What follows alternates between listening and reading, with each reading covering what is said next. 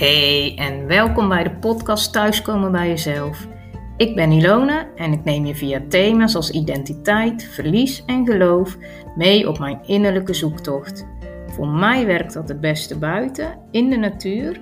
Dus ik nodig je uit om de natuur op te zoeken en je al luisterend te laten inspireren om samen met mij de weg naar je hart te bewandelen en uiteindelijk thuis te komen bij jezelf.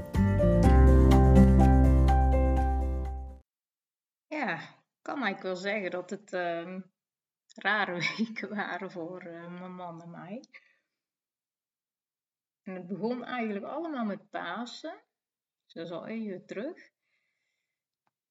Toen ons konijntje, wat echt al elf jaar bij ons was, ineens niks meer kon. Het klinkt denk ik zeker voor niet-dierliefhebbers, uh, denk ik, heel raar in de oren, maar wij waren echt even, ja, raadloos. En ja, het doet vooral veel pijn om een beestje zo te zien. Het, uh, ja, het maakt je een beetje machteloos. En ja, je probeert dan nog met de dierarts uh, te redden wat er te redden valt. Maar uiteindelijk is het beestje uit zichzelf uh, doodgegaan. In die zin gelukkig maar. Maar ik weet nog dat ik even helemaal uh, alleen met haar was toen, toen ze nog leefde. En ik had haar op schoot genomen. Terwijl ze dus niks meer kon. Dus ik lag ook zo in de keuken. En, uh, en toen echt, toen heb ik zo hard gehuild. En ik denk je misschien van, joh Ilona, doe even normaal zeg. En dat kan ik me helemaal voorstellen hoor. Maar ja, zoals je weet ben ik een enorme dierenliefhebber. En het is niet alleen dat. Het is die machteloosheid die iets in je, in je losmaakt, in mij losmaakt in ieder geval. Een, een pijn die, die teruggaat naar een andere pijn, naar een pijn uit het verleden. Pijn wanneer dingen lijken te ontglippen. Wanneer er geen controle meer uh, over de situatie is. Ja, en in mijn geval, ja, pijn wanneer je weet dat er verlies gaat komen. Ken jij dit? Misschien niet dat het bij jou gebeurt als je huisdier doodgaat hoor, maar misschien wel bij een film. Dat je zo'n onbedwingbaar gevoel krijgt om, om te huilen bijvoorbeeld, zonder dat je snapt waar het vandaan komt. Of misschien weet je juist heel goed waar het vandaan komt. De laatste keer dat ik afscheid van een huisdier moest nemen, dat is denk ik zo'n. Ja, uh, wat zal het zijn? 15 jaar geleden. Mijn hondje, Rocky, die was dus 15 jaar onderdeel geweest van ons gezin. En kon ook echt ineens niks meer. En hij had echt dezelfde blik in zijn ogen als ons konijntje nu had. Oh, en dat, ik weet niet, dat vond ik zo vreselijk. En het was vreselijk om afscheid te moeten nemen. Mijn moeder en ik waren er allebei bij, bij de dierenarts. En ja, dan zie je daar dat hondje liggen. En het hondje wat 15 jaar lief en leed mee had gedeeld. Met ons. Een scheiding van mijn ouders depressie, verdriet, rouw, een trouwerij, verhuizingen. Ja, overal was zij bij. Want ja, dat is het. Hè. Het is niet alleen zo'n beestje op zich. Het zijn eigenlijk alle momenten die dan passeren. Alle keren dat ik uh, ja, alleen bij de hond troost kon vinden, omdat niemand anders mij kon bereiken. En echt waar, ja, het afscheid nemen van die hond heeft er echt voor gezorgd dat ik heel lang geen huisdier meer durfde te nemen. Omdat ik wist van ja, er komt dan weer zo'n moment dat je afscheid moet nemen. En dus ook zo'n moment dat je echt even uit evenwicht bent. Want toen ook, mijn moeder en ik, waren echt even, ja, toch wel een tijdje zo van ontredderd of zo. Dan hebben dingen tijd nodig. Ook dingen die voor de wereld misschien on, of voor de buitenwereld onbenullig lijken. En ja, voor jou kan juist iets zomaar oude pijn omhoog halen. Oude wond blootleggen. En die wond heeft aandacht nodig, zeker als je dacht dat bijvoorbeeld die wond al lang geheeld was. Verliezen gaan niet weg, want verliezen draag je een heel leven lang met je mee. Maar jij bepaalt wel hoe je ze meedraagt. Blijven ze op de voorgrond staan? Verlamt het jou om te leven? Worden ze weggestopt? Of mag het er niet zijn omdat je maar door moet? Of neem je op jouw moment de tijd om het verlies dat je hebt geleden te incasseren? Klinkt hard hè, incasseren, maar ja, zo werkt het ergens wel. In het leven moeten we incasseren. En het ene moment ja, meer dan het andere moment. En de ene persoon lijkt ook meer te moeten incasseren dan de ander. Maar allemaal komen we voor te staan. Ja, en dan is het de vraag, wat doe je ermee? Heb jij oog voor jouw eigen wond? Of misschien wel wonden? Ik denk bijvoorbeeld terug aan mezelf als tiener. Mijn eerste relatie liep na, denk zo'n 2,5 jaar stuk zonder dat ik hier zeggenschap over had. Ja, echt uh, jeugdliefde. Nou ja, wie dat heeft gekend, die kent misschien het gevoel ook een beetje. Maar ja, bij mij wel weer die rauwe pijn die naar boven kwam. Niet zozeer om die jongen. En tuurlijk, ik, ik was verliefd, maar er zat veel meer onder. Weer dat machteloze. Geen controle over de situatie. Weer verlaten, als baby verlaten, als kind eigenlijk verscheurd in een gebroken gezin en nu weer opnieuw. Maar ik wilde er niet aan. Ik zou en moest sterk zijn en niemand zou iets aan mij merken. Terwijl echt, ja, van binnen ging ik kapot. Maar voor de buitenwereld zou ik de kosten wat het kost verbloemen. Ja, en dat maakte eigenlijk dat ik steeds meer, ja, uh, steeds meer in mezelf raakte. En ik ging mezelf ook steeds meer afwijzen. Mezelf wijsmaken dat ik dit leven niet waard was. En dan zit je ineens in een zware depressie, zonder dat iemand het weet, zonder dat je het zelf weet. Ik stelde me ergens nog steeds op als die redder uit de vorige afleveringen. Ik zou alles wel eens even oplossen. Maar ik kon niks oplossen. Want waar je als redder tegenaan loopt, is dat je mensen niet kunt veranderen. Terwijl je wilt controle over de situatie en daarmee ook eigenlijk controle over mensen. Over wat mensen doen. Maar ja, dat is nu net wat nooit kan. Dat vind ik zelf altijd zo mooi aan de God waar ik in geloof. Het christelijk geloof. Hij heeft ons een vrije wil gegeven. Geen machines die van hem houden wanneer hij op een knopje drukt. Nee, mensen mogen hier zelf voor kiezen. Niet vanuit dictatorschap, maar vanuit vrijheid en vanuit uh, liefde.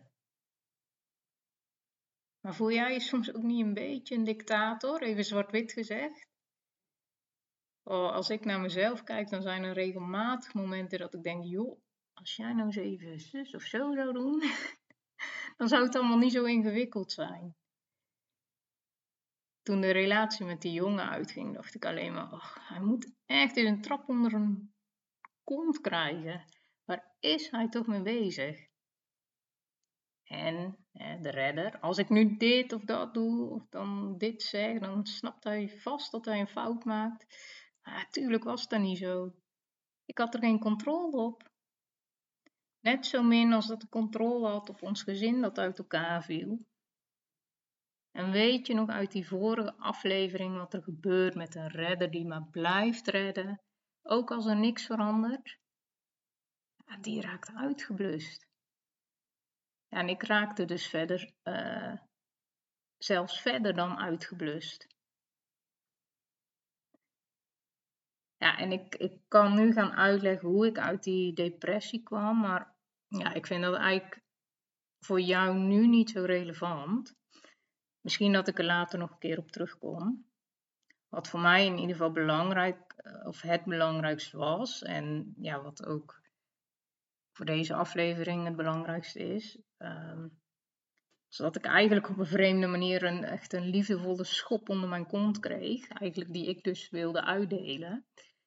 Maar dit gebeurde dus pas toen ik alle rollen uit die drama-driehoek eruit had gegooid en mezelf aandurfde te gaan kijken. Ik moest leren wat mijn verantwoordelijkheid was, maar zeker ook wat de verantwoordelijkheid van de ander was. Ik ga vanaf daar een klein stapje verder met je de tijd in. Echt een klein stapje, want er zat niet zoveel tijd tussen. Ik was 18. En ik denk terug aan mezelf aan het bed van mijn overleden vriend. Hij had kanker, maar ondanks dat waren we toch verliefd geworden. En ondanks de goede hoop moest ik hem toch al heel snel los gaan laten. Ook diezelfde machteloosheid als waar ik dit verhaal mee begon. Dat was wat ik voelde aan dat bed. Natuurlijk op hele andere schaal, maar mijn lichaam herkende het meteen. Want waar ik niet goed meer weet wat er om mij heen gebeurde toen mijn vriend overleed, weet mijn lichaam dus zo'n 17 jaar later nog precies het groot verdriet naar boven te halen. En dat probeerde ik in aflevering 6 ook uit te leggen met die lichamelijke herinnering.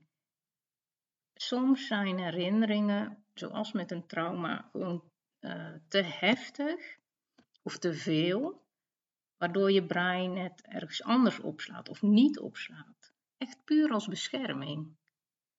Maar je lichaam weet het maar al te goed. Waar probeert jouw brein je voor te beschermen? Tegen welke pijn? Tegen welk verdriet of tegen welke angst? Waar voel jij wel eens dat je lichaam signalen af probeert te geven? Denk er maar eens over na de komende tijd. Weet dat je het de ruimte en aandacht mag geven, ook als dat eng is. Want weet ook dat vanuit die ruimte er ook weer zicht mag komen op ja, wat jij op dit moment nodig hebt. Ik heb liefdevol moeten leren loslaten. Iets wat ik eerst niet goed kon, omdat ik de controle probeerde te houden. Controle op mensen, op het leven. Maar ja, door deze gebeurtenissen heb ik ja, mogen leren dat ik die controle niet heb. Maar belangrijker nog, dat ik die ook niet hoef te hebben.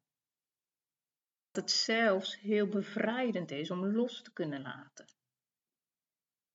Dat maakt dat er ruimte komt voor andere dingen. Dingen die ik nodig heb om in het leven te kunnen staan. Dingen die jij nodig hebt om in het leven te kunnen staan. Troost zoeken bijvoorbeeld, kwetsbaar zijn. Iets wat misschien voor mij in ieder geval nog wel een veel moeilijkere les nou, was en eigenlijk ook blijft. En dat neemt echt niet weg dat het loslaten ontzettend veel pijn deed. Maar het trok mij niet meer naar beneden zoals bij die depressie. Twee weken terug stonden mijn man en ik in Praag. Toen onze auto ineens niet meer verder wilde. Natuurlijk, het is materiaal, maar ook hierin was het een les in loslaten waar je geen controle over hebt.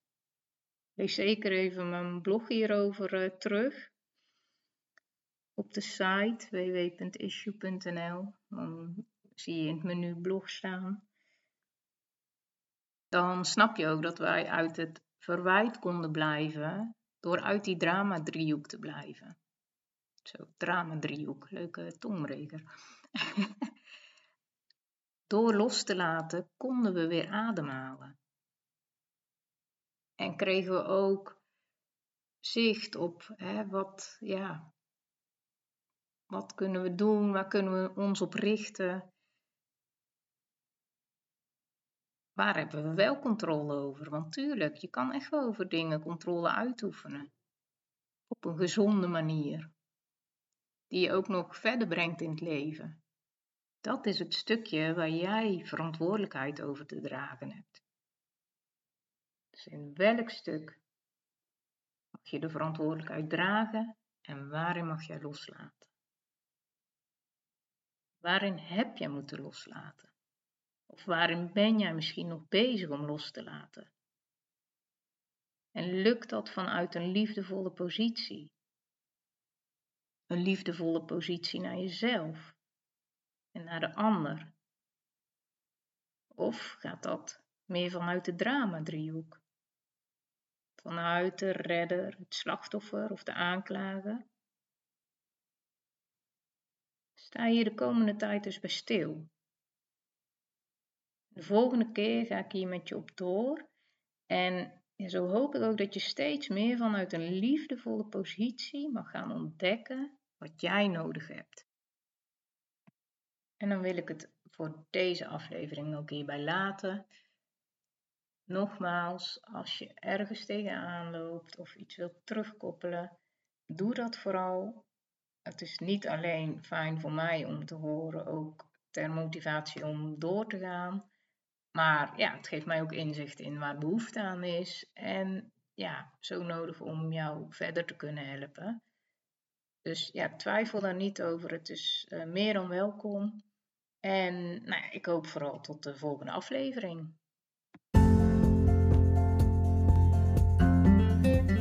Heel erg bedankt dat je geluisterd hebt naar de podcast Thuiskomen bij jezelf. Wil je de afleveringen overzichtelijk onder elkaar en niks missen? Abonneer je dan op deze podcast. En ik vind het fijn om te horen of een aflevering iets bij je in beweging heeft gebracht, of misschien heeft het vragen opgeroepen. Je kunt reageren bijvoorbeeld via het contactformulier op www.issue.nl, ISYOU, of volg me op Instagram, Ilona Zonneveld.